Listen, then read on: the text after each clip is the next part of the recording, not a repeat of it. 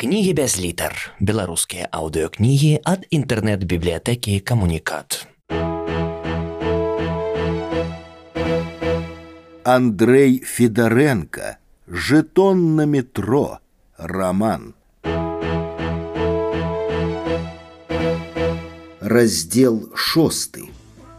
Пасля падзямелля лёгка дыхалася, і белы свет выглядаў прыветна.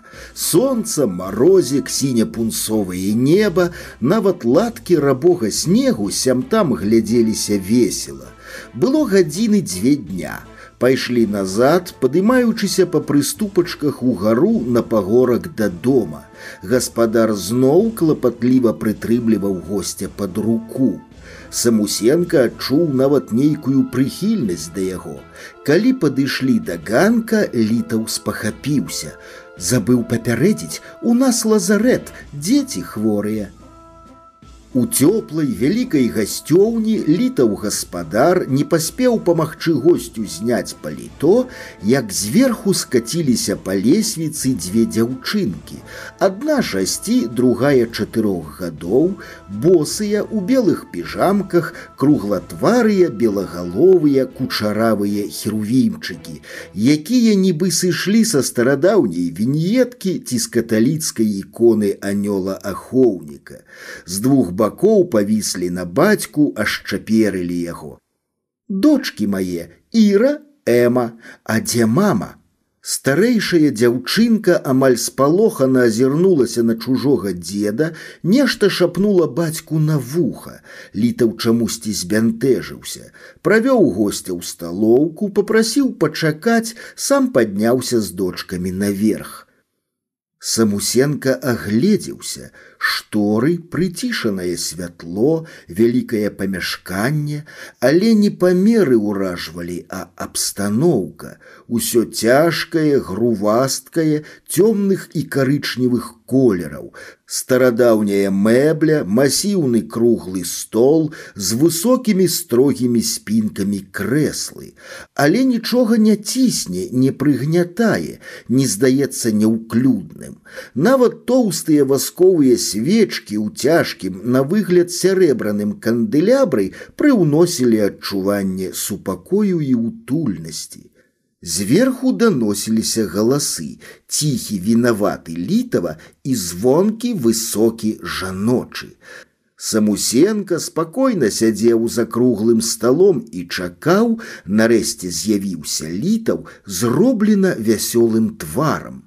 Жонка вельмі прасіла прабачэння, але ніяк не зможа з прычыны хваробы, і прыслуга адпушчана нічога не ўпершыню.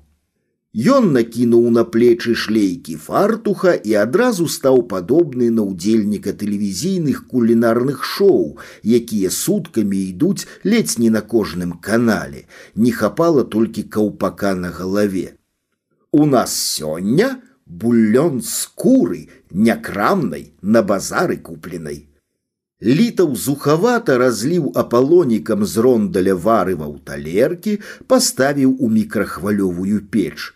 Мы ядзім усё, што падабаецца, казаў ён, раскладваючы на стале сурветкі, лыжкі, відэльцы, ставячы чаркі.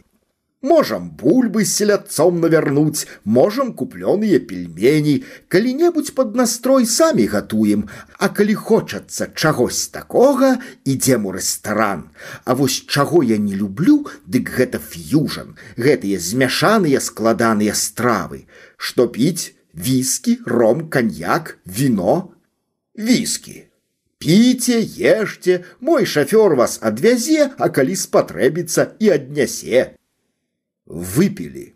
Спиртное імгненна разогнало ў самусенку старую загустелую кроў.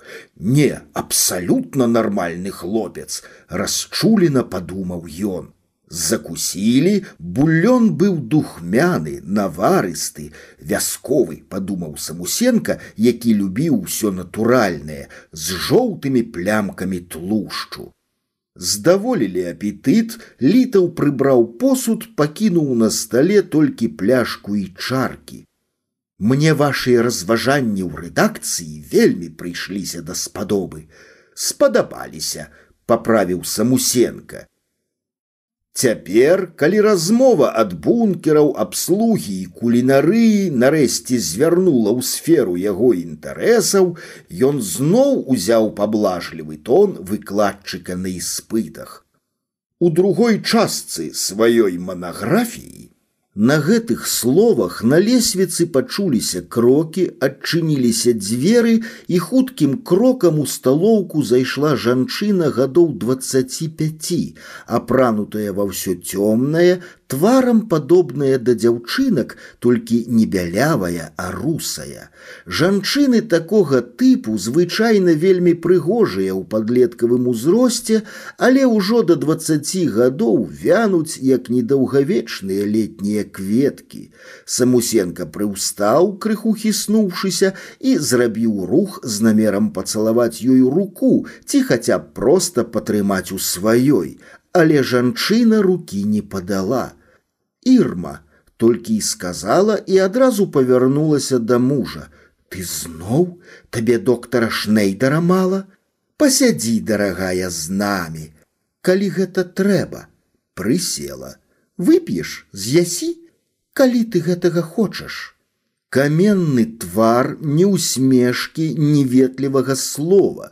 Самусенка, які б не быў скаваны яе прысутнасцю, заўважыў, што голас яе з лёгкім латыскім акцэнтам зусім не хворы, і ўвогуле на ёй ніякіх прыкмет хваробы, там абвязанай цёплай хусткай шыі, ці чырвоных вачэй і носа, ці пад носам, ну як бывае ў грыпозных. Познаёмся, дорогая, профессор Самусенко, ты не уяўляеш, які цікавы чалавек. Першыя словы, якія я ад яго пачуў, пра дуэль, і гэта ў наш час. Ты казала Беларусь мядзвежы кут, а тут я сустракаю такіх людзей, рыцараў. Ірма раптам устала, упаў і бразнуў аб падлогу відэлец. Павярнулася і нічога не тлумачачы хутка выйшла, амаль выбегла. Літаў уздыхнуў. І так заўсёды, Вось яно, маё жыццё. Не адабрае вашага захаплення беларушчынай, спагадліва спытаў самусенка. Баюся, яна нават не ведае такога слова, не цікавіцца нічым, акрамя сябе, не займаецца ні дзецьмі, ні домам, ні абслугаю, нават у камп'ютар не лазіць, нават сябровак не завяла. Але справа не ў тым. Свабода моя абмежаваная, ледзь не кожны крок под кантролем і крыўдна, што ўсё гэта цяпер, калі я так блізка, калі амаль знайшоў, што хацеў. Незразумела, туманна гаварыў літаў, а потым, нахіліўшыся да самусенкі, тым самым голасам, што і ў бункеры прашаптаў: « Вы умееце трымаць язык за зубамі. Я ў такіх гадах самавіта прагудзеў самусенка, што мне павінна сорамна быць. Скажыце, каб быў чалавек, ад якога б вы залежалі матэрыяльна, які б прыніжаў вас, не даваў займацца любімай справай, што б вы зрабілі. Змёў бы любога, хто апынуўся б у мяне на дарозе, адказаў смелы ад віскі стары. Дык вы не жартавалі там у рэдакцыі пра дуэль. Вы сапраўды змаглі б забіць чалавека, за Беларусь рука б не здрыганулася.